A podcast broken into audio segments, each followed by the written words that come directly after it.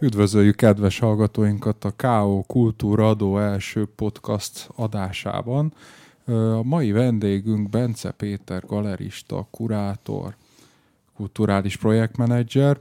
A beszélgető társak pedig Falvai Mátyás és Zsolnai György. Az első kérdés pont a bemutatkozáshoz kapcsolódna egyáltalán korrekt-e, ha így ö, nevezünk téged, hogy kurátor, galerista, kulturális projektmenedzser, vagy azért ez egy valamivel összetettebb meghatározást igényel? Nem, abszolút jól mutattál be. Ha egy szóban kellene bemutatkoznom, akkor általában egy ilyen összefoglaló definíciót találtam ki annó ezzel, erre évekkel ezelőtt, ez pedig a művészet közvetítő.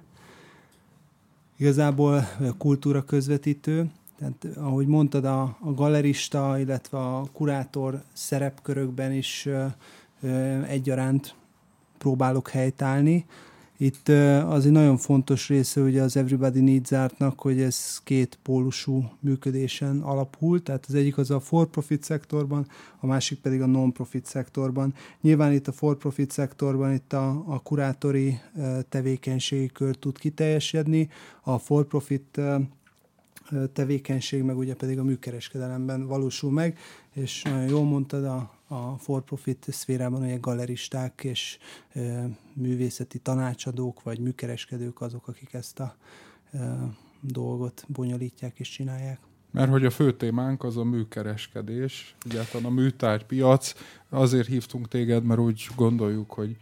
körbe tudjuk járni ezt a témát. Ugye a podcast műfaj az eleve alkalmas arra, hogy olyan kérdésekről beszéljünk azért bővebben, amire nem biztos, hogy egy rádió műsorban vagy egy rövidebb interjúban alkalom nyílhat az idő, nyomás és hasonlók miatt, úgyhogy már itt már belevágtunk a közepébe tulajdonképpen, de, de azt hiszem, hogy ez a téma szempontjából fontos is, hogy ennek a sok, sokféle rétegzettségét azért lássuk majd a következő közel 40 percben. Én mind azelőtt, hogy ezek, ennek a rétegzettségét feltárnánk, ennek a kérdéskörnek, én arra szeretnélek megkérni, hogy jól lehet néhány interjút már láttam, olvastam, hallottam veled, ahol ö, meséltél erről, de szeretném, hogyha a mi hallgatóinknak is megismételnéd, hogyha egy picit mesélnél arról, hogy hogyan indultál el erre a területre, mert egy, én azt gondolom, hogy egy kicsit rendhagyó. Egy, eleve mindaz, amit csinálsz, másfelől pedig az is, ahogy belekerültél a szakmába, hiszen egy teljesen más háttérből, vagy egy más, más világból érkeztél. Úgyhogy ha erről mesélnél egy picit. Igen, itt a, a külső körös, vagy a külső körből érkezők táborát erősítem a művészeti világban, Ugye az hozzátartozik, hogy a, a hátteremből, vagy a gyökereim között nem található semmilyen művészettörténész, vagy művész, vagy művészettel foglalkozó sem nagyon, mint a képzőművészetben zenész néhány akad de igazából szerintem ez nagyon fontos szempont, illetve az én szemléletemet is nagyon meghatározó, hogy nincsen semmi olyan fajta ilyen erős behatás mondjuk a gyerekkorból, ami így a képzőművészet irányba lökött volna. Nyilván ennek, hogyha valakinél ez fennáll, lehetnek előnyei, de én próbálom abszolút így a, a vagy hátrányai, előnyei, de hogy én ezt így próbálom abszolút így a, a saját malmomra hajtani. Ugye nálam ez úgy indult, hogy ez is egy fontos pontja volt az életemnek, mielőtt ezt elkezdtem volna, vagy művészettel kezdtem volna foglalkozni, hogy az élsport volt így az általános iskolában, illetve a gimnáziumban egy nagyon fontos része az életemnek. Ez tulajdonképpen az egész gyerekkoromat, illetve a tinédzser éveimet lefoglalta, és nagyon emellé egyéb más dolgot én nem is engedtem be teljesen tudatosan, tehát hogy itt az utánpótlás válogatott szint, hogy a vízilabdába, illetve az, hogy mondjuk egy minden nap, mindennapos edzés, vagy akár a hétvégi meccsek nem nagyon engedélyezték azt, hogy, hogy más így az, az életembe beleférjen akár hobbiként is. Úgyhogy én ezt nagyon komolyan vettem. Uh, ami mégis valahogy így a művészet felé tudott lökni, az az édesanyámnak a folyamatos unszolása, hogy már pedig külföldre kell menni. Ez egészen 18 éves koromig húzódott, a nővérem egyébként... Mármint, hogy tanulni, vagy dolgozni, vagy ez szerencsét igazá, próbálni? Ez igazából nem volt így meghatározva, nyilván ők a tanulásnak örültek volna a legjobban, főleg édesanyám, mivel olyan nővérem, aki 7 évvel idősebb, ő azért egy nagyon okos és egy eminens tanulóként gimnáziumi évek alatt is, illetve az egyetemi évek alatt is töltött időt az Egyesült Államokban, úgyhogy volt előttem egy ilyen példa, de én ezt a példát nagyon nem, nem nagyon ö, akartam követni. Míg nem, 18 évesen úgy alakult a dolog, hogy hát nem leszek a következő olimpiai csapattagja, tehát hogy ez azért így be kellett látnom. Ennek pusztán, vagy hát az volt így a fő oka, hogy a, az egyik ilyen korosztályos nemzetközi verseny előtt, amikor a keretet hirdették, akkor megmondták, hogy hosszú távon, ám bár most így a saját teljesítményem, vagy az akkori teljesítményem az predestinálna arra, hogy mondjuk az utazó keretbe benne legyek, de ugye nekik hosszú távú terveket kell ö, támogatniuk, és ezért azokat az adottságokat kell előnybe részesíteni, vagy az olyan adottságú fiatal sportolókat kell előnybe részesíteni, akiben hosszú távon is benne van ez a, a potenciál. Úgyhogy én a testmagasságom miatt kerültem így a körön kívül, és akkor jöttem rá arra igazából, hogy, hogy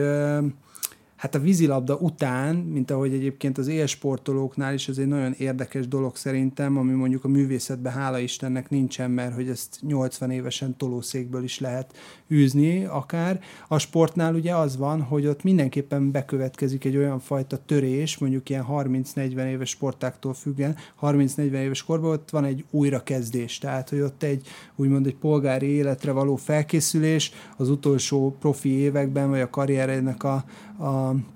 végén ugye erre fel kell készülni, és hát nekem ez 18 évesen jött el, ugye 13 év sport után, hogy akkor így rájöttem arra, hogy akkor most valószínűleg nem a vízilabda lesz az életem, és akkor valamit kéne ezzel kezdeni, és hát ez az érettségi évével esett egyben, ez az időszak, úgyhogy én már szerintem valahogy ilyen 2009 márciusában, tehát pár hónappal így az érettség előtt már gondolkodtam ebben, hogy akkor külföldre szeretnék menni, szerencsét próbálni, ami Mátyás kérdezte ezt a három kérdéses dolgot, hogy akkor tanulni, dolgozni, vagy szerencsét próbálni. Nekem a szerencsét próbálni tetszett a legjobban, úgyhogy én ezt így prezentáltam, ezt az ötletet így a, a szüleimnek, az édesanyám nagyon-nagyon örült neki, és abszolút támogató volt, Úgyhogy már csak az volt igazából a kérdés, hogy mégis ez a szerencse próbatétel, ez hogyan néz ki, vagy hogyan néz neki az én esetemben. És akkor én elindultam ezen a nagyon-nagyon klasszikus vonalon, hogy akkor én most óper leszek, és akkor majd kimegyek babysitterkedni, ami nagyon hamar ugye derékba tört abból a szempontból, hogy ott nem nagyon voltak így a, a, a fiú egyedekkel fogadókészek, tehát hogy, hogy inkább ugye lányokat próbáltak minden családba beszervezni, úgyhogy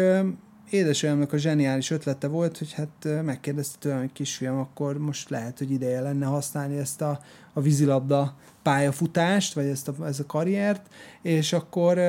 elkezdtem írni, tehát nem nagyon hallottam, illetve azért most sem nagyon hallunk így az angol első osztályról, mivel nincs is, ugyanúgy, mint Amerikában, itt is inkább egyetemi klubok vannak, illetve felsőoktatási intézmények csapatai működnek, és ide lehetett volna betagozódni. És akkor én írtam mindenkinek, azt hiszem olyan 11 fős volt akkor a bajnokság, már mint ez az egyetemi bajnokság, és akkor én szerintem majd, hogy nem mindegyiknek, talán egy kivételével nem írtam, mármint, hogy írtam egy, egyet kivéve, és hát mindenhonnan nagyon-nagyon pozitív válaszokat kaptam, és mondták, hogy abszolút jöjjek, tártkarokkal várnak, de ezért ők nem tudnak fizetni. Most ez volt a második kérdés, hogyha most kimegyek ide, akkor, akkor hogyan lehetne azt elérni, hogy ebből valahogy így megéljek, vagy legalábbis részben valamilyen szinten az egzisztenciám az biztosítva legyen ezáltal. És egy csapat felajánlotta azt, hogyha a junior utánpótlás csapatokból néhányat elvállalok, ez mondjuk így hetente három-négy alkalom lett volna egy edzésszinten, akkor tudnak szállást biztosítani, ami egy ilyen szuper jó lehetőségnek tűnt, illetve felajánlották azt is, hogy munkát is tudnak szerezni és akkor uh, édesanyám még felajánlotta azt, hogy abban még segít, hogy egy uh, háromnapos utat megfinanszíroz, és akkor ki tudok menni, és megbeszélni ezekkel a csapatokat, illetve ezzel a csapattal külön, tehát hogy ott azért több meeting volt uh, megbeszélve, hogy akkor milyen feltételekkel tudok ott munkába állni, vagy van-e esetleg jobb feltétel. És akkor ez alatt a három nap alatt uh, volt uh, hat hét találkozó, ami mindegyik nagyon szuper volt, és ezzel a Rádörhemi csapattal, ami Liverpool mellett volt, sikerült megállapodni, és én azt mondtam, hogy én azonnal vissza szeretnék menni,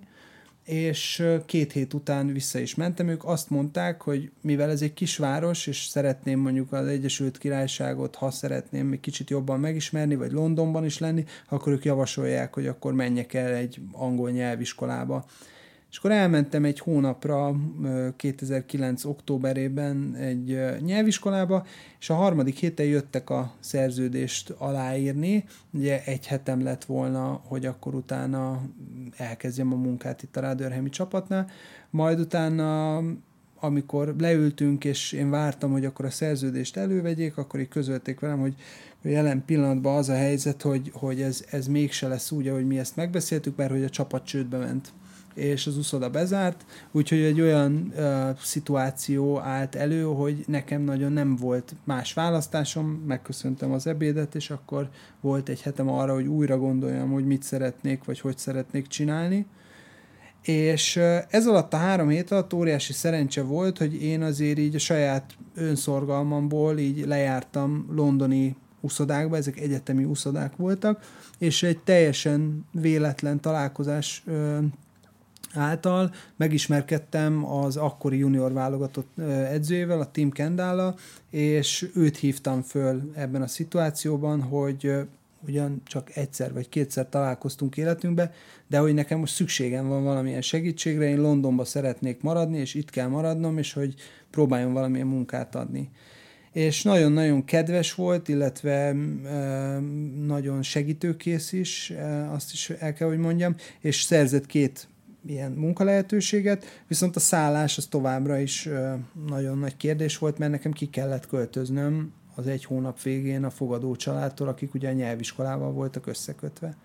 És aztán utána pedig találtam egy olyan szállás lehetőséget, hogy egy pakisztáni képzőművész, festőművész, aki esküvői fotózásból élt, és mondjuk visszamenőleg, illetve akkor sem volt az ő életműve egy inspiráló ö, dolog számomra, de mégis az, hogy egy képzőművész kiadja a fél szobáját, ez a felütés, vagy ez a hirdetés számomra nagyon meglepő volt, mert nem nagyon voltam kapcsolatban képzőművészekkel, és nem értettem, hogy hogy lehet egy fél szobát kiadni, hogy van az, hogy, hogy, hogy van az, hogy ő a műteremben van, és hogy, hogy ő amúgy nincs ott, de hogyha ott van, akkor ott lakik, tehát hogy akkor hol lakik és akkor így kerültem közvetlen kapcsolatban, kapcsolatba ugye a, a képzőművészettel, ami, ami egy azóta ugye egy meghatározó része az életemnek, és ennek a hatására, hogy iszonyat sok szabadidőm keletkezett, hogy egy héten ugye két vagy három, maximum három napot dolgoztam, az is ugye egy fél napot ölelt fel az időmből, Úgyhogy nagyon sok szabadidőm keletkezett, és elkezdtem múzeumokba járni, tehát ez egy zseniális dolog, illetve egy nagyon nagy szerencse volt akkor számomra, hogy én Londonba kerültem, mert hogy az intézmények, illetve nyilván a, a galériák, illetve a kortás művészetet mutató terek, azok nagyjából 99%-ban ingyenesen látogatható terek voltak. Így nekem nagyon nagy kutatási felületem lett erre az egészre, és minden nap, tehát volt olyan, amikor mondjuk nem volt pénzem metróra, mert mondjuk összesen 500 fontból éltem, akkor befutottam mondjuk nem tudom 6-7 mérföldet ugye a belvárosba, és akkor ilyen joggingba, meg ilyen melegítő nadrágba jártam be így a, a londoni uh, puccos galériákat, ami nagyon vicces volt, mert hogy ez a világ számomra egy ilyen nagyon új volt, és uh, nagyon érdekesen néztek rám, tehát hogy akkor az a, az, az elit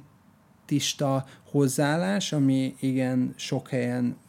tapasztalható, sajnos, tehát én azt gondolom, hogy a, a képzőművészetnek a fogyasztása, illetve az a küszöbfélelem, ami mondjuk emberekben jelentkezhet így a képzőművészet fogyasztásakor, az abszolút ennek köszönhető, hogy a szakma az nem eléggé nyitogatja a kapukat, és mondjuk ha belépsz egy londoni galériába, de ez mondjuk a világon bárhol, tehát ezt a Londont ezt nyugodtan elvehetjük így a, a geológiai jelzők közül, hogy vagy elő, hogy, hogy igazából bármelyik ilyen hely, ahol egy kosztümös úr vagy hölgy üldögél, és nem is köszön rád, és igazából azt se tudod, hogy mit nézel, mert senki nem segít, senki nem áll föl, hanem magadra vagy hagyva igazából ebbe a fehér vakító fényes térben. Ez nem biztos, hogy első pillanatban barátságos. Aztán van nagyon sok ellenpélda erre is, illetve én is ezen próbálok dolgozni azóta, hogy, hogy ezt elkezdtem, hogy ezt valahogy így a mindennapokban minden egyes beszélgetésben, vagy minden egyes eseményen, amit mondjuk így az Everybody Needs által szervezünk és a művészekkel együtt kitalálunk, hogy ez egy nagyon nyitott dolog, és bárki kérdezhet bármit, bármikor. Nekem egy arra tehát az érdekelne, hogy Értem, hogy egy képzőművészettel osztottad meg a szobádat, értem, hogy rád szabadult egy csomó szabadidő, de hogy ebben még mindig nem látom, hogy miért pont a képzőművészet felé fordultál, vagy mi, mi, mi volt az a pillanat, vagy mi volt az a mű élvezeti pillanat, vagy élmény, vagy beszélgetés, vagy közeg, ami felkeltette a, valóban az érdeklődéset, úgyhogy egy ilyen szenvedés érdeklődés vált belőle. Hát ez is egy érdekes kérdés, mert hogyha ha ilyen nagyon-nagyon pontosan bele kéne menni, és visszaemlékszem ezekre a napokra, akkor volt egy olvasmányi élmény, ami egy teljesen véletlen folytán, a, a, a, megint csak az édesanyámhoz köthető. 11 évesen a William Somerset momnak az ördög sarkantyúját adta kezembe, és azt mondta, hogy kisfiam, ezt el kell olvasnod, mert nekem is egy ilyen nagyon szuper élmény volt, úgyhogy olvasd el. Most én ezt 11 éves koromtól kezdve 18 éves koromig, amíg ugye ki nem mentem Angliába, ez egy folyamatosan mellettem lebegő, illetve engem kergető könyv volt, tehát mondjuk így a 10 kötőjel 50. oldalig jutottam el benne, és szerintem, ha nem kezdtem el, nem tudom, 30-szor olvasni, akkor egyszer se. És amikor beköltöztem ebbe a, a londoni albérletbe, ugye ez a képzőművészhez, akkor valahogy így néhány könyvet kivittem magammal, és ezt, ez is köztük volt, tehát hogy muszáj volt ezt is magammal vinnem, már mindenhova cipeltem magammal, és valahogy úgy esett, hogy tényleg két nap alatt elolvastam. És ugye ez az ördög sarkantyúja, ez a Guggen életéről szól, és uh, itt volt az első olyan pont, hogy, hogy a képzőművészet, vagy a művészek alapjában véve ott egy ilyen nagyon uh, tehát gyerekkorban, vagy mondjuk művészettörténeti tanulmányaim alatt, ez egyébként egy érdekes pont még az életem, hogy gimnáziumban, harmadik osztályban osztályozó vizsgát kellett tennem művészettörténetből, mert nem nagyon látogattam az órákat, és valahogy annyira megtanultam a művészettörténetet ott akkor, hogy, hogy a legjobb jegyet kaptam az osztályba, ez a tanárnő nem nagyon adott senkinek hármasnál jobbat, én meg négyes voltam, és nem hitték el a, az osztálytársaim, hogy ez honnan jött. És ez így valahogy így összerakódott, és, és ez elindított bennem egy olyan vágyat, hogy igazából, hogyha vannak ilyen életművek, mint mondjuk akár a Gogené, vagy ilyen személyiségek, akkor biztos, hogy ma is vannak ilyen emberek közöttünk, akik művészként tevékenykednek és festenek képeket, csinálnak szobrokat, és valahogy így az elejétől fogva engem az nagyon érdekelt, hogy mi az, ami ma történik, kik azok, akik ma a művészetet csinálják, és hogyan lehet velük mondjuk kapcsolatba kerülni. Tehát, hogy ez egy nagyon-nagyon erős gyújtópontja volt az egész mostani tevékenységemnek, hogy a mai napig engem nagyon-nagyon izgat az, hogyha meglátok egy művet, és mondjuk az a mű az engem valamilyen szinten befolyásol, vagy hatással van rám, akkor azt ki és miért csinálta, vagy hogyan csinálta. Úgyhogy, úgyhogy ez, ez volt így az alapvető élmény, hogy, hogy nagyon kíváncsivá tett arra, hogy, hogy ezek a művészek mit és hogyan csinálnak ma. Egy kicsit visszatérve a, a londoni élményekhez, említetted, hogy, egy, hogy te kívülről érkeztél a művészetbe, és hogy amikor a, beléptél ezekbe a galériákba, kiállító terekbe, akkor azt tapasztaltad, hogy eléggé ö, kevésbé befogadó, hogy úgy mondjam. És neked, mint kívülről érkezőnek, ö, én úgy látom, hogy ezt a művészet közvetítő ö, titulust tettük még hozzá a, az ismertetésedhez, hogy mi volt az, ami téged segített abban, hogy ne riadj el az első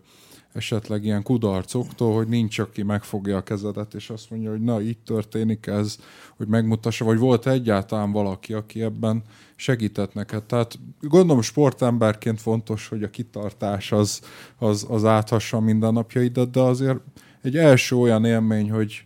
hogy belépsz valahova, és, és nem érted, nem látod, nem tudod megfogni, és ezen túllendültél, mi volt? Mi volt az, ami ebben segített téged? Az első és legfontosabb dolog, amit a mai napig ilyen nagyon ö, sarkalatos pontnak gondolok, az az, hogy a, a művészeknek a szerepe és a művészeknek a jelenléte az az én életemben is egy nagyon segítő pont, tehát hogy minden olyan információ, vagy minden olyan ötlet, az nyilván művészeken keresztül jut el hozzám is. Tehát ők, tehát a Marcel Duchamp is, aki mondjuk ugye a gondolati művészetnek egy nagyon fontos, vagy hát talán a legfontosabb 20. századi képviselője, ő is mindig ezt mondta, hogy kövesd a művész, tehát hogy nekem ez egy ilyen fontos tanács, hogy, hogy mindig azt kell nézni, hogy a művészek merre és hogyan mennek, abból lehet valamilyen szinten irányokat feltérképezni. De konkrétan, hogyha bemész egy galériába, ott nagyon fontos, hogy, hogy lehet ezzel foglalkozni, hogy téged hogyan fogadnak ott, és lehet ezen pufogni, hogy mondjuk nem köszönnek, vagy nem elég kedvesek hozzád, de ez mondjuk ugyanígy van akár a péknél is, hogyha bemész és szeretnél venni egy kiló kenyeret, most azt le, lekhatják nagyon kedvesen is, meg oda is vághatják, de ettől függetlenül most az a szendvicsednek a miensége, vagy hogy te mit raksz otthon ebből össze, az nem nagyon tud befolyásolódni ezáltal. Úgyhogy ez egy nagyon fontos pont, hogy engem nagyon nem érdekel az, hogy most engem egy galériában hogyan fogadnak, hogyha én tudom, hogy én azért megyek oda, mert kíváncsi vagyok arra, amit ott mutatnak. Aztán van olyan is egyébként, hogy az ember betévet helyekre, és nem tudja, hogy ott egyáltalán fogadják, vagy nem fogadják, mert van olyan kiállítás is, ahol ott senki nincsen, és nincs ilyen lehetőség, hogy mondjuk egy másik emberrel interakcióba lép, vagy mondjuk a kiállításról beszélges. Úgyhogy ilyen szempontból a művészet az egy ilyen nagyon szabad dolog, és nagyon sokféleképpen lehet találkozni vele, ami egyébként egy ilyen nagyon jó példa, hogy az első az egyik első művész, akivel én azóta is dolgozom, ugye 2012-ben találkoztam a, a Brückner Jánossal, és azóta is ugye együtt dolgozunk, számtalan projektbe voltunk egymás partnerei. Vele is az volt, hogy én 2010 környékén, amikor hazajöttem Londonból, és ez volt a fejemben, hogy valamilyen galéria-szerű, vagy, vagy egy ilyen kurátori platformot létrehozva a művészeket támogassak, segítsek, és, és egy ilyen műkereskedelmi lábat is építsek a, a művészek segítségére, akkor én az Art Moments, ami akkor az OTP-vel együtt karöltve csinált olyan lehetőségeket, hogy fiatal művészeknek adott különböző vendéglátó egységekbe, illetve nem is feltétlenül csak vendéglátó egységekbe, különböző ilyen boltokban lehetőséget a bemutatkozásra, és a használaton kívüli boltok, illetve voltak ö, konkrét vendéglátó egységek is, és ö, az OTP-nek volt egy ilyen aloldala, az Artments, és ott föl voltak töltve a képek. Tehát, hogy akkor az egy ilyen nagyon-nagyon-nagyon új dolognak számított, hogy tulajdonképpen online kiállításként is meg tudtad tekinteni ezeket a dolgokat, és akkor ott például a, a, a Jánosnak a, a Magyar Emberek tevékenységi sorozatából néhányat láttam ott, és az nagyon megragadt. Tehát, hogy az onnantól kezdve ez egy ilyen folyamatosan így, így a fejembe volt, és a Jánosnak a munkásságát, aki még akkor bőven a Képzőművészeti Egyetem festőszakán volt hallgató, abszolút szemen, nyomon követtem, és utána 2012-ben egy véletlen folytán egy másik munká, munkával kapcsolatban mi munkakapcsolatba kerültünk, ahol én elmondtam neki, hogy igazából nagy rajongója vagyok a művészetének, és amúgy, hogyha van ideje valamikor, akkor üljünk le és beszélgessünk, mert van egy ötletem így a művészet közvetítésre, vagy én ezt hogyan képzelem el egy, egy ö, újabb platformon, vagy egy másik szemlélettel működő ö, dolgon keresztül, és nagyon-nagyon pozitív, illetve befogadó volt a János az első pillanattól kezdve, és ez azóta is így van vele, úgyhogy ez egy nagyon szuper dolog. És ö, Londonban ö, az intézményes, itt az ilyen, nyilván az ilyen csúcsintézményekre gondolok, képzőművészeti életet ismerted meg, vagy, vagy mondjuk a kereskedelmi galériák, vagy a non-profit galériák világába is bepillantást nyertél. E, talán voltak-e olyan impulzusok, vagy olyan élmények, amiket aztán, vagy minták, amiket aztán utána ö, be tudtál építeni az itthoni munkádba? Az volt, a, az volt nagyon-nagyon fontos minden nap, hogy különböző helyeket nézzek meg, tehát hogy válaszolva a kérdésedre, itt az elejétől fogva én külön figyeltem mondjuk az intézmények, vagy mondjuk a mega intézményeknek a működését, illetve mondjuk a non-profit helyek, ami a kisebb, akár mondjuk saját ö, ö, vállalkozásként működő non-profit helyek, amik mondjuk művészek, ezek az artist space voltak inkább, vagy akár mondjuk a nagy kereskedelmi galériáknak a működése, és volt, tehát hogy az elejétől fogva nyilván az üzlet is érdekelt, és ezért nagyon sokat olvastam, tehát például mondjuk egy, egy nagyobb galériát megtekintve, vagy mondjuk egy nagyobb múzeumot, nagyobb múzeumi látogatás után nagyon sok művésznek, illetve kurátornak, vagy mondjuk galeristának följegyzeteltem a nevét, vagy olyan fogalmakat néztem meg, vagy kerestem, amikkel mondjuk előtte való nap még nem találkoztam, és akkor ezek tulajdonképpen oda vezettek, hogy minden este egy ilyen, egy ilyen kutatás ö, került, kutatásra került sor, ami két-három-négy órán keresztül tartott, és mindig az aznapi ö, információkat dolgozta fel. Úgyhogy ott egy ilyen egész nagy képet kaptam, és amikor hazajöttem, ott legelső pillanattól kezdve próbáltam összehasonlítani, mi az, ami működik itthon, mi az, ami hasonló ahhoz, ami kint működik, mi az, ami nyomokban sem található meg, illetve tehát nyilván itt az intézmények, illetve a galériák szempontjából is nagyon más dimenziókban működtek akkor is, meg most is vannak dimenziókülönbségek a, a londoni, illetve mondjuk a budapesti, vagy mondjuk a kelet-európai és a nyugat-európai intézmények működése között. Az a mód, módszer, ahogy bejelentkeztél az angliai vízilabda klubokhoz, tehát ez a bekopogtatás lényegében kívülről, tehát ilyen hideg hívás jelleggel, ez aztán később is úgy tudom, hogy jellemezte, vagy jellemzi a mai napig a munkamódszeredet, ami amennyire én látom, eléggé komoly nemzetközi kapcsolatrendszert sikerült kiépíteni, főként az európai kontinensen, a Balkánon is többek között, német nyelvterületen, Csehországban, számos helyen, és ezeket általában úgy szoktad elérni, ezeknek a kapcsolatoknak a kialakulását, hogy egyszerűen, hogyha valami megtetszik neked, hírét kapod egy jó projektnek, vagy egy jó kiállítóhelynek, vagy olvasol, vagy egy jó kurátorról, akkor egyszerűen fölkeresed, és azt mondod, hogy csá, itt vagyok, valamit nem csinálunk. És ez általában beszokott jönni.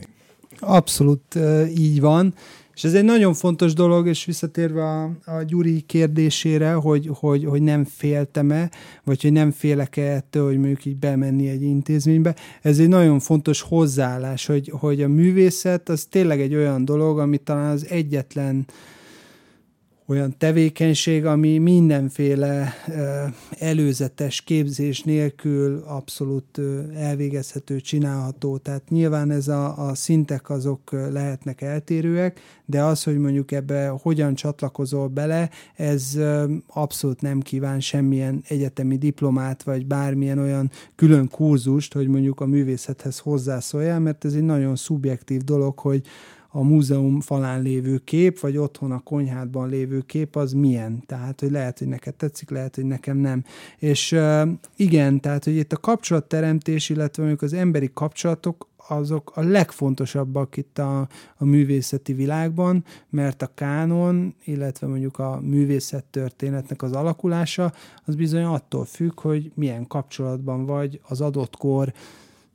múzeumi embereivel, vagy a galeristákkal, vagy a művészekkel, tehát ez egy nagyon-nagyon fontos pont, hogy igen, hogyha van egy lokál szcéna, ami jelenkorban, illetve jelen esetben ugye azt gondolom, hogy most itt a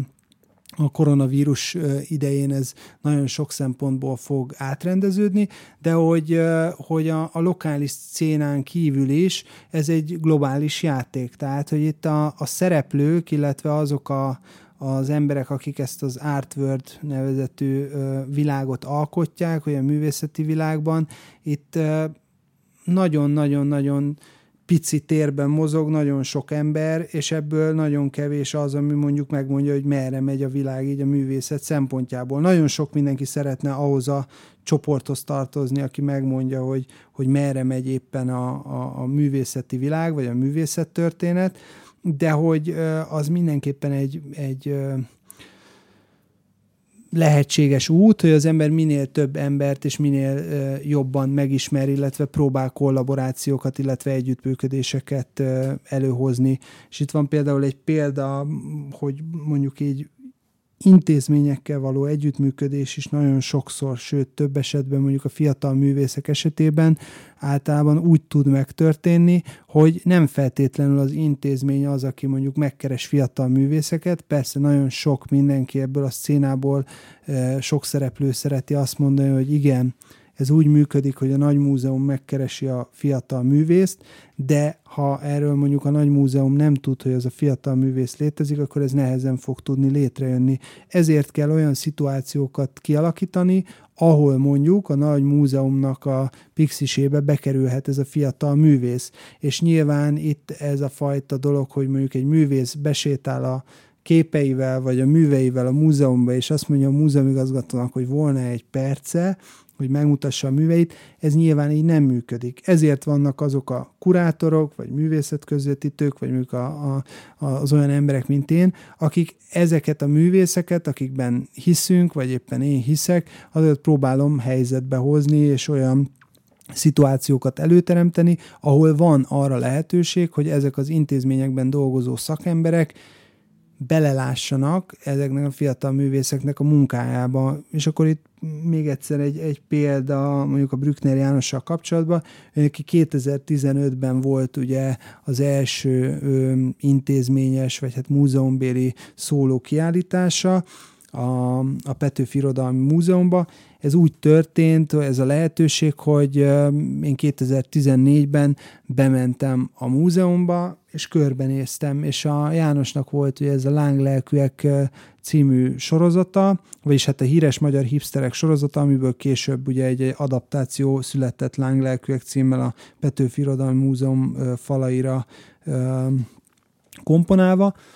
és akkor én elmondtam a Jánosnak ezt az ötletet, hogy, hogy ez, ez nagyon passzolna szerintem így a múzeum tereibe, illetve a koncepciójába is, és itt van ugye egy ilyen kortás művészeti vonal, illetve gyűjtemény is van a kortás művészetnek dedikálva a Petőfi Irodalmi Múzeumban, úgyhogy ez nagyon jól összecsengett, és az akkori igazgató, Csorba Csilla, ő egy nagyon-nagyon-nagyon fontos és egy nagyon jó intézményvezető lévén, nagyon jól fogadta ezt a dolgot, és őt se ismertem, hanem írtam neki egy éjszaka egy e-mailt, és még aznap éjszaka válaszolt, hogy abszolút nyitott erre a dologra, és beszéljünk, és 2015-ben ebből jött létre egy kiállítás, és később a múzeum is vásárolt ugye a János műveiből, ami ugye egy művész számára az egyik legfontosabb ilyen szakmai elismerés, hogy egy intézmény, ami mondjuk így az örökké valóságnak gyűjt, vagy konzervál, vagy teszel dolgokat,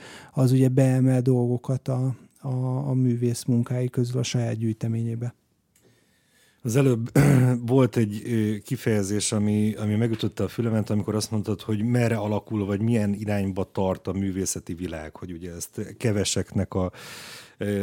kevés emberből álló, nem tudom én, összesség vagy csoport szabja meg. És az ütött szöget a fejembe, hogy az, hogy merre megy a művészeti világ, azt a kétféleképpen is föl lehet tenni ezt a kérdést, hogy a művészet milyen irányokat keres magának, illetve hogy a műtárgypiac miket preferál. Ezek közül az, hogy merre megy úgymond a művészet, ezek közül melyik a ö, meghatározó, illetve az egyik a másikra van-e hatással, vagy ezt külön lehet kezelni?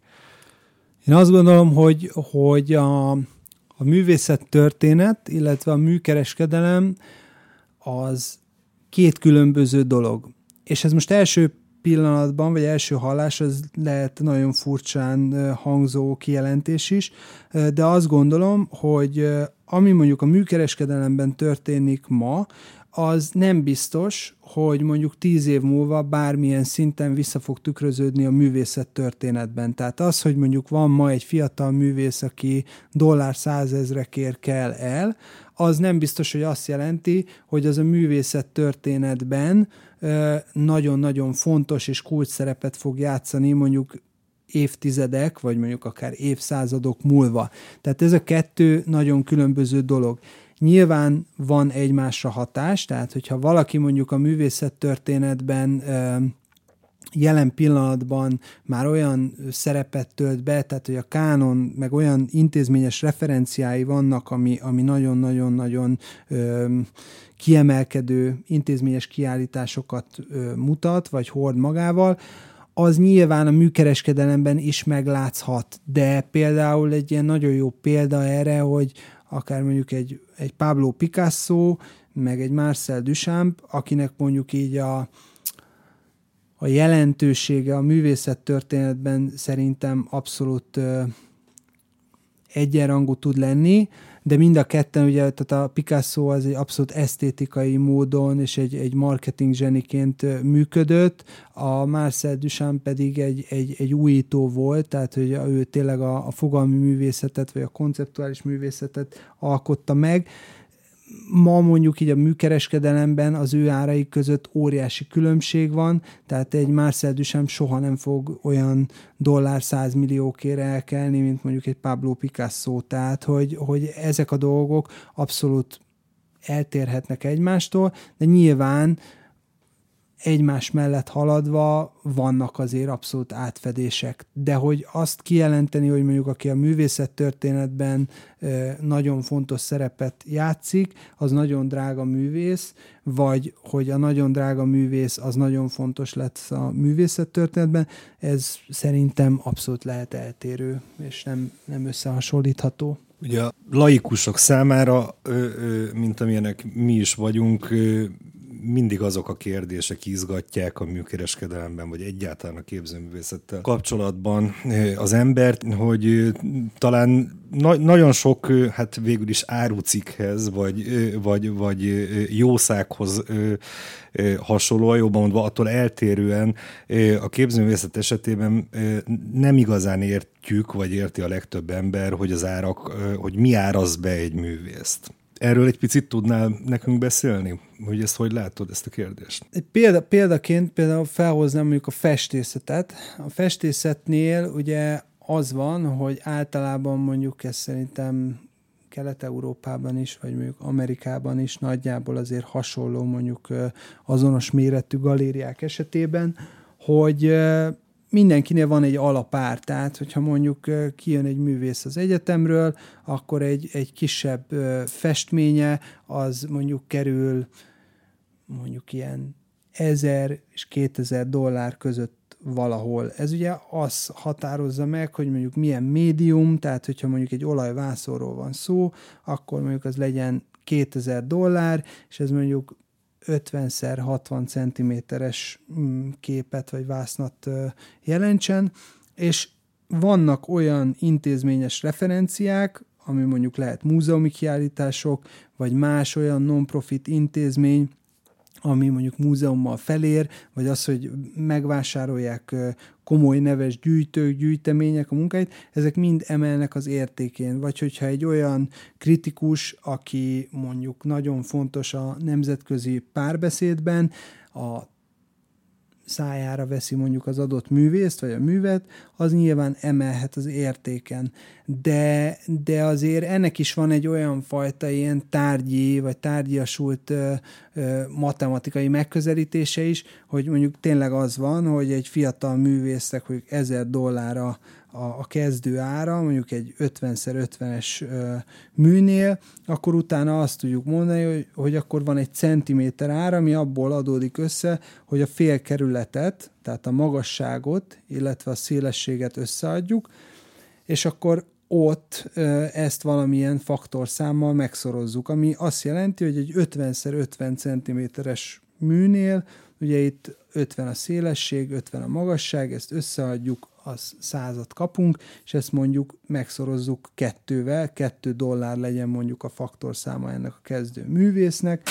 és akkor ebből lesz az, hogy akkor mondjuk nem tudom, 200 dollárba kerül, de mondjuk ez nyilván nem 2 dollár, hanem mondjuk 20 dollár, és akkor egyből kijön ez a 2000 dollár. És akkor ezeket a faktorszámokat a festményeknél nagyon könnyen lehet évről évre mondjuk százalékos arányba, tehát azt mondjuk, hogy most ez a művész bekerült a tét modernbe nagyon fiatalon, az akár lehet egy duplázó tényező is. De hogy ez minden művésznél, illetve minden galériánál ugye nagyon egyedi, mert hogy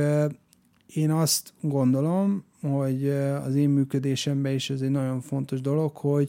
Ugye, ahány művész, annyiféle működési rendszer van. Tehát az, hogy egy galéria kinyit, és azt mondja, hogy nekem van egy ilyen szerződésem, hogy én ilyen kerettel foglalkozom, és ilyen ö, struktúrával, vagy ilyen, ilyen ö, követelményekkel, vagy kondíciókkal dolgozom együtt egy művésszel, ez szerintem nem működőképes, mert nyilván az a szobrász, aki két évente tud egy kiállítás anyagot ö, létrehozni, és összesen lesz két év után öt darab elérhető műve, az nem tud ugyanúgy teljesíteni, vagy nem tud ugyanolyan kondíciókkal együtt dolgozni a galériával, mint az a festőművész, aki adott esetben mondjuk egy hónapba megfest öt képet. Tehát, hogy ott nyilván a, hozzáférhetőség, illetve az árak, maga a bekerülési költség, az nagyon nagy különbségekkel bír. Igen, tehát itt is van egy, de a termelékenység az valahol itt is, itt is szempont, hiszen hogyha elkezd épülni egy, vagy elkezdi ki egy galéria építeni a művészt, és egy idő után elfogy mondjuk a, izé, a szufla, akkor hát nem feltétlenül térül meg a, a, egyrészt a befektetés, másfelől pedig nem tudja a műterpiacnak az aktuális esetleges igényeit kielégíteni a, az alkotó, hogyha jól értem. Vagy éppen egyébként ez egy ilyen fordítva működő dolog is lehet, tehát mondjuk azoknál a művészeknél, akik tényleg nagyon kevés művet tudnak létrehozni, és kialakul egy már a karrier elején egy nagyon nagy kereslet a művek iránt, akkor létre tudnak jönni úgynevezett mondjuk várólisták, amikor azt mondják gyűjtők, hogy én mindenképpen szeretnék egy művet az adott művésztől, de azt mondja erre a galéria, hogy jelen pillanatban nincsen elérhető mű, úgyhogy akkor fel tudunk írni téged egy listára, aminek lehet, hogy te most az első helyén állsz, de lehet, hogy már hárman kértek előtted attól a művésztől művet, és akkor tényleg meg kell várni. Nyilván ennek marketing ö, haszna is, vagy, vagy üzleti, tehát hogy tárgyalás technikai része is lehetnek, tehát vannak olyan galériák, meg, meg én is találkoztam már ilyennel, hogy voltam egy ö, művésznek a stúdiójába külföldön, tele volt festményekkel a stúdió, írtam a galériának, hogy szeretnék ettől a művésztől elérhető művek listáját kapni, és azt mondták, hogy nincsen elérhető művek listája. Tehát, hogy itt, itt ez abszolút lehet egy ilyen dolog is, de sok ilyen ö, érdekes és nem transzparens dolog van a művészeti világban. Ö, azt szeretném kérdezni, hogy kik azok, akik a fiatal magyar képzőművészeket keresik, és hogyha keresik, akkor esztétikai szempontok azok, amelyek miatt keresik őket, vagy van-e, van-e már esetleg olyan helyzetben ma műtárgypiac Magyarországon, hogy kifejezetten befektetési célra vásároljanak? Azt gondolom, hogy az 1990-es magyar műkereskedelem megjelenése óta, már mint azt gondolom, hogy a független uh, for-profit galériák megjelenése óta, 1990 környékére datálható, azóta és előtte is azért látható olyan gyűjteményezési politika a magánszemélyeknél, vagy a magánszereplőknél, akik ugye mondjuk így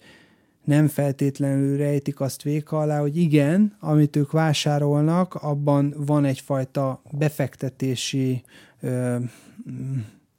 oldal is, vagy, vagy, vagy egy ilyen ambíció. De én azt gondolom, és az, az azért egy ilyen visszaigazolt dolognak látszik, hogy, hogy egy műtárgyat megvenni azért, mert az sokat fog érni, az egy hibás hozzáállás, mert jelen pillanatban bátran kimerem ezt jelenteni, hogy a 7 milliárd emberből egyetlen egy sincs, aki azt meg tudja mondani bármelyik festményről, hogy akkor ez holnap ö, dupláját fogja érni, vagy tíz év múlva a tripláját, tehát ilyen nincsen. Nyilván van nagyon sokféle olyan tényező, ami befolyásolhat bizonyos dolgokat, tehát hogyha mondjuk tudom azt, hogy egy fiatal művész, aki most a Royal College of Arton fog végezni Londonban, és egy nagyon jó galéria nézegeti őt, és valószínű már így a függöny mögött valami készül, és most oda megyek a műtermébe, és azt mondom, hogy odaad, odaadsz nekem egy művet 500 fontért, és odaad nekem 500 fontért valamit, az mondjuk valamilyen szinten tudható, hogy a galériába, hogyha ez megvalósul ez a kiállítás, ott már minimum 1000 font lesz, mert hogy ha a műteremből tudunk vásárolni még mielőtt egy művész a galériához kerül, ott nyilván utána egy olyan értékduplázódás, vagy hát így a galériák ugye 50-50 százalékos splittel dolgoznak, tehát 50 százalék jár a művésznek, 50 százalék a galeristának, a galériának, úgyhogy, úgyhogy ilyenek vannak, de ez is egy nagyon faramúci helyzet, mert tulajdonképpen egy kortárs műtárgy az azért úgy működik, és most nagyon sok mindenkit le fogok ezzel lombozni, de ez az igazság, hogy abban a pillanatban, amikor a galériából egy frissen vásárolt művet kihozunk, és megveszünk mondjuk 100 egységért, akkor nagy valószínűséggel másnap nem fogjuk ezt tudni eladni száz egységért, mert a műtárgyak nem így működnek, tehát abszolút egy, egy tehát vannak likvid műtárgyak, tehát egy likvid befektetésként én ezt semmiféleképpen nem apostrofálnám. Vannak bizonyos helyzetek, szituációk, amikor tud nagyon likvid lenni egy műtárgy egy adott művésztől, egy adott periódusban, egy adott korszakból, de, de hogy ez nem általánosítható, és az nagyon fontos rész, hogy minden műtárgy ugyanakkor nyilván befektetés is hosszú távon. Tehát, hogyha ha, ha az ember azt mondja, hogy, hogy ő körültekintően vásárol, és egy olyan galériába fektet, mert itt az is egy nagyon fontos dolog, hogy ugye az az ember, aki veszi a fáradtságot, hogy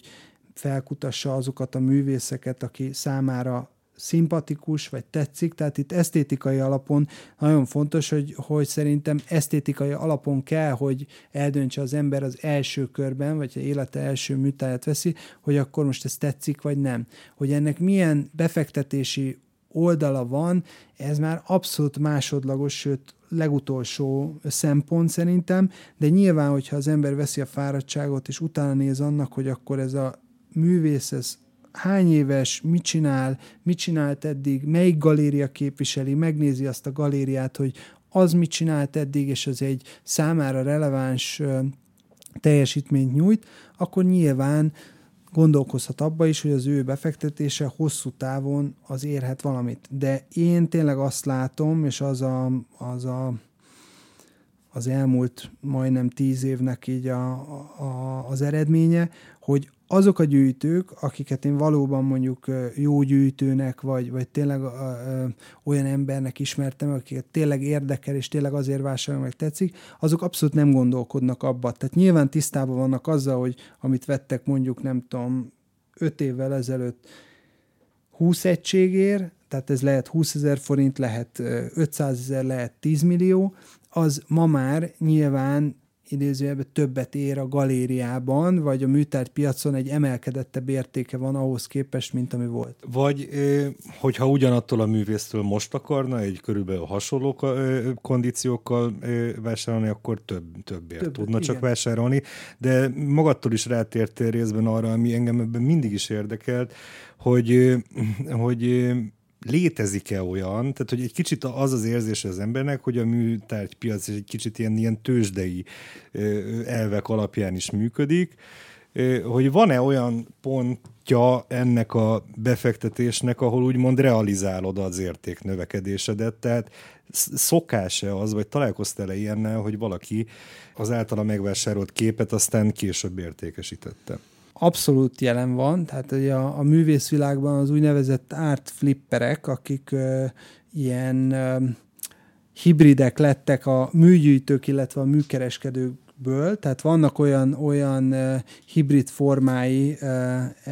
ezeknek a művészetvilágban lévő szereplőknek, hogy például valaki műgyűjtő, de műkereskedelemmel is foglalkozik. Most ez azt jelenti, hogy, hogy vannak olyan műgyűjtők, akik nagyon-nagyon közel kerültek bizonyos galériákhoz, más gyűjtőket is ismernek, illetve van egy olyan kör, aki elkezdett figyelni arra, hogy az ő ízlésük az merre és milyen dolgokat válogat a saját gyűjteményébe. Ezáltal egy olyan lehetőség nyílt meg előttük, hogy azt mondhatják mondjuk fiatal művészeknek, akikkel mondjuk nem foglalkozik galéria, vagy egy fiatal galéria foglalkozik, és pont ez a műgyűjtő mondjuk segítette ezt a fiatal galériát, azt tudja mondani a gyűjtő, ezzel beleszólva mondjuk egy fiatal galériának a, a programjába, hogy oké, okay, nagyon szuper, amit csinálsz fiatal művészként, én most megveszek tőled ö, 30 művet, mondjuk 30 egységért, de hogy az a fiatal galéria, amit én támogatok, az most ki fogja állítani abból a 30 műből mondjuk ötöt, vagy egy másik 10 művet, de ott már egy mű az a háromszor annyiért fog menni. És ő a saját körének ugye elkezdi teríteni ezt az anyagot, vagy például az aukciós piacon pörgeti meg. Tehát az elmúlt 10-15 évnek az aukciós piac turbulenciája és felfutása az abszolút látható, és nagyon nagy meg a galériáknál is ugye ez probléma volt, hogy, hogy egyszerűen nagyon nagy celebritások, akár mondjuk színészek elkezdtek vásárolni nagyon nagy kedvezményekkel millió dolláros műveket, majd ebből néhányat ugye beadtak mondjuk kereső aukciós házakhoz, ahol egyen megkeresték azt a dolgot, amit ők befektették, vagy azt az árat visszakapták, amit mondjuk ők háromért fizettek, tehát ő nekik van két ingyen műtárgyuk ebből, ami azért nagyon rossz, vagy azért nem tett jót mondjuk a műkereskedelmi piacnak, mert ilyenkor ugye az a galéria, aki foglalkozik a művésszel, köteles mögé állni, hogyha ez egy jó galéria, tehát hogyha bekerül valami egy aukcióra, az nem jó, hogyha mondjuk beragad egy aukción egy mű. Ezért, hogyha mondjuk én frissen vásárolok egy műtárgyat, vagy több műtárgyat egy ö, kortárs galériában, és abból hirtelen én egyet beadok egy aukciós házba, nyilván a profit szerzés érdekében, ezzel azt a galéri, ezzel azzal a galériával szurok ki, aki tulajdonképpen támogatni szeretnék, vagy éppen együtt dolgozni, mert hogy ha nincsen megfelelő kereslet erre a műtárgyra, akkor a profi galériák azok mögé állnak a műveknek, és kifizetik, vagyis megveszik saját maguktól idézőjelbe ezeket a műveket. Úgyhogy, úgyhogy ez, ez a dolog egy ilyen nagyon-nagyon-nagyon nehéz és, és képlékeny dolog, és én azt gondolom, hogy ez a mostani jelenkor, ez nagyon sokban befolyásolja ezt a, a dolgot is, tehát ez a szituáció, mert vissza fognak térni ezek a, a kis és nem az ilyen megavállalkozások, hanem valóban a kreativitás, illetve az, hogy mondjuk egy kis helyen vagy egy lokális piacon hogyan tudsz bizonyos művészeket a legmagasabb szinten vagy a legkreatívabban prezentálni a közönség számára, hogy az érdekes legyen. És akkor lehet, hogy ez az, ami pont számotokra egy jó terep, hiszen az Everybody Needs Art az gyakorlatilag a kezdettől fogva valahogy erre,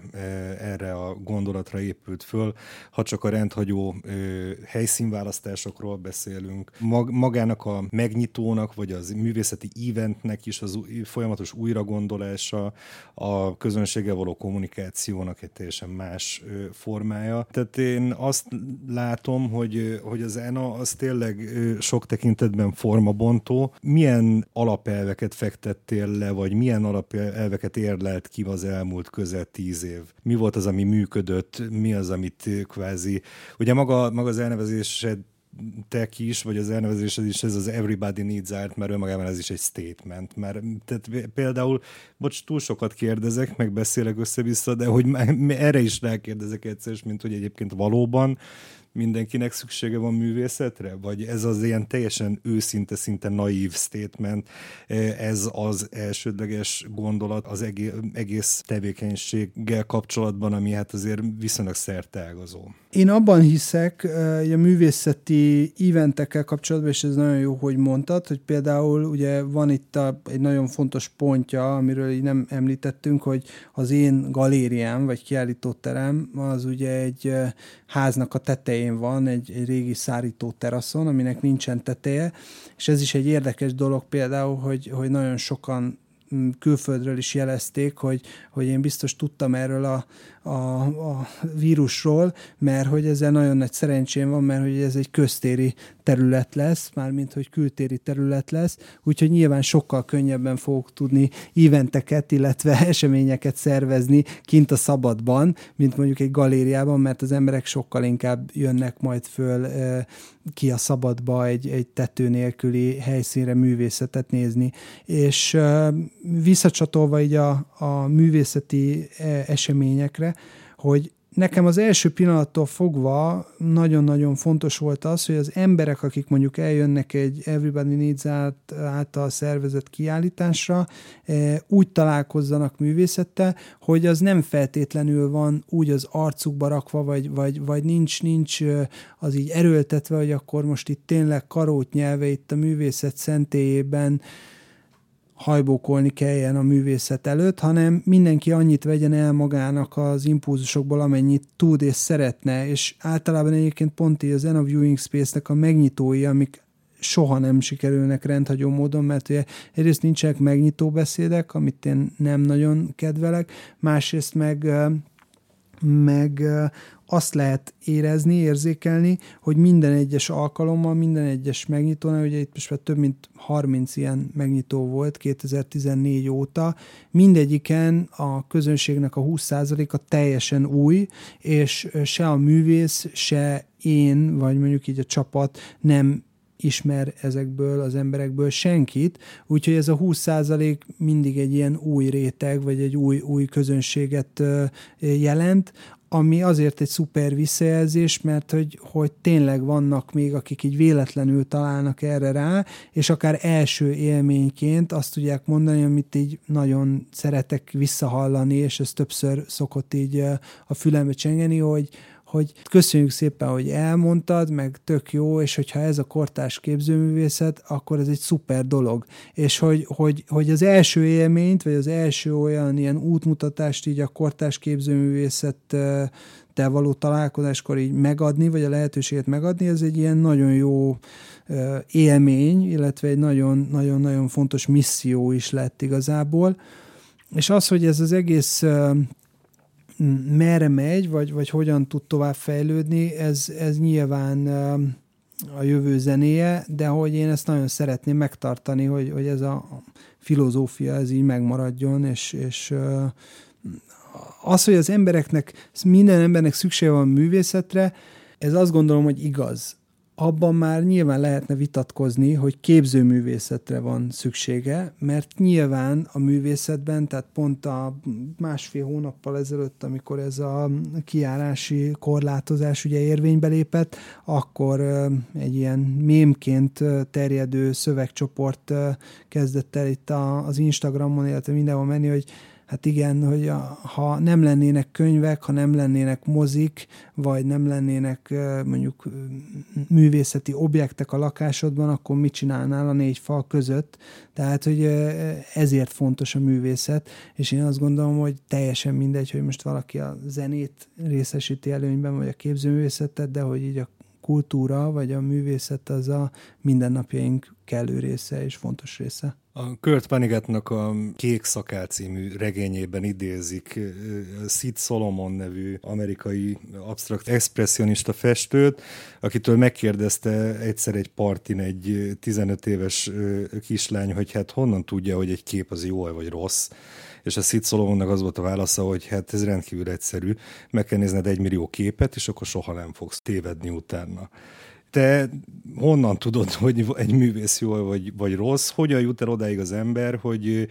azt a magabiztosságot kialakítsa magában, ami alapján megbízhat a saját értékítéletében, és akkor oda tud állni egy művész mellé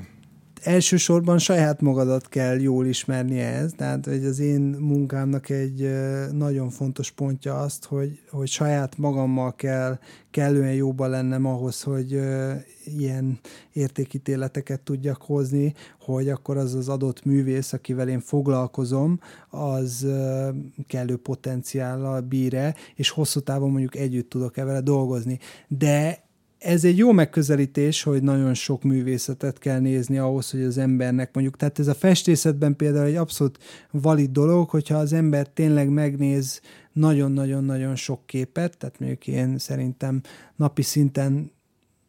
két-három ezer műtárgyat biztos, hogy látok így az Instagram, illetve egyéb más ö, ö, olvasmányaim ö, ö, folyamán, de az egyéb művészeteknél, akár a szobrászat, vagy az installációs művészet, vagy a performance, itt is megint arra kanyarodnék vissza, hogy, hogy a művészek követése, tehát az, hogyha ha van egy olyan műtárgy, ami első pillanatban, tehát hogy mivel hogy a műtárgyaknak tényleg aurája van, és ezért így a, az online művészet mutatással ezért lehetnek mondjuk problémák, hogy az emberek akárhogy és akármi lesz, az embereknek szüksége lesz arra, hogy élőben lássanak művészetet, és itt is ez szerintem egy, egy nagyon fontos pont, hogy ha, ha egy művész olyan dolgot csinál, ami érdekel, akkor az engem fölvillanyoz, és elkezdem ezt követni, és nyilván vannak művészek, akinél nem kell sokszor visszacsekkolnom, vagy sokszor visszatérnem ahhoz, hogy megbizonyosodjak arra, hogy ez jó, de vannak olyanok is, amikor azt látom egy művészen, vagy egy műtárgyon az első pillanatban, hogy ez engem nagyon zavar, és nagyon sokszor kiderül két-három évre rá, hogy folyamatosan követem ezt a művészt, mert pont azért, az, amiatt az érzet miatt, hogy ez engem zavar, és valamiért én nem tudom megérteni, hogy megértsem, és három év után valahogy átjön az, amit ő csinál, vagy amit ő akar üzenni, vagy mondani, vagy, vagy, vagy lecsapódik így a, a műter nálam, akkor, akkor azt gondolom, hogy ez egy szuper művész, tehát hogy, hogy ilyen is van, meg olyan is van, de itt az, hogy folyamatosan nézni, nézni, nézni, és, és dolgozni ezen, és azon, hogy mondjuk a kortárs művészeten belül ez egy nagyon fontos út, hogy eljutunk A-ból B-be, és itt az A az a nem értés, a B az meg a megértés. Tehát, hogy itt eljutunk egy ilyen pontba, ahol megértünk valamit, ami lehet, hogy csak számunkra ennyire egyszerű és értető, de ez a műtárgy mondjuk így egy kapu ehhez. Egészen absztrakt szinten ö, megfogalmazva te tudod mondani, hogy neked mi a, mit, mi, mi a jó művészet? Mitől lesz jó a művészet? Lehet ilyet egyáltalán definiálni? Lehet ilyen kliséket dúroktatni, hogy ami persze, hogy az a jó kortás művészet, ami reflektál a mára, meg, meg nem tudom, legyen szép kék, vagy legyen jó a szöveg rajta én nem mondanék ilyet, mert tényleg ezek érzések, tehát hogy az ember így ránéz valamire, és így örömmel tölt el, és akkor utána, tehát hogy ez egy belépő, tehát az, hogy valami így első pillanat esztétikailag, tehát így a retinán keresztül ez így működik, és, és azt mondod, hogy fú, wow, ez nagyon jó, ez nyilván nem biztos, hogy minden esetben elég. Tehát azt sem mondom, hogy nem elég, de azt sem mondom, hogy ez minden esetben elég, és hogy ez mindig az adott művésztől, művészen múlik. Tehát tényleg egy, egy, egy klasszikus festőnél, mint például mondjuk akár itt példaként a, a Csató Józsefnek a képeinél, ha megnézzünk egy csató művet, ott egyszerűen a színeknek, illetve annak a, a, a vizuális nyelvezetnek, ami ugye lassan több mint tíz éve formálódik, és nagyon komoly evolúciókon ment keresztül, ott egyszerűen az van, hogy ránézel egy csatóképre, és azt mondod, hogy, hogy ez, ez szuper. Tehát, hogy ez engem, engem úgy tölt el, hogy én is jó pár ilyen mű van a környezetemben, illetve élek együtt ö, ö, csatónak a műveivel, és ott is az van, hogy, hogy így jó ránézni. Tehát, hogy ez, ez, ez abszolút, vagy, vagy akár mondjuk így a, a, a szobrászatban, a Tóth Márton Emil, vagy a, a Szabó Ottónak, a, a robottónak a műveinél, ott nyilván az van, hogy ott, ott nem feltétlenül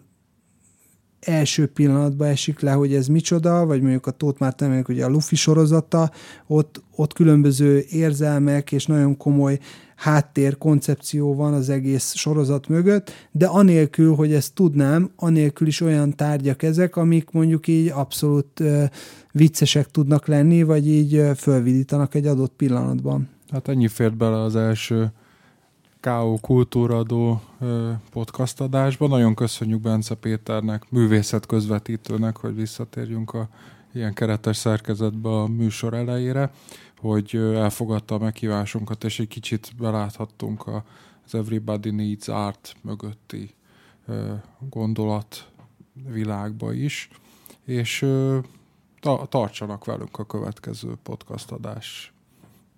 meghallgatásában is. Köszönjük szépen. Köszönjük szépen. thank you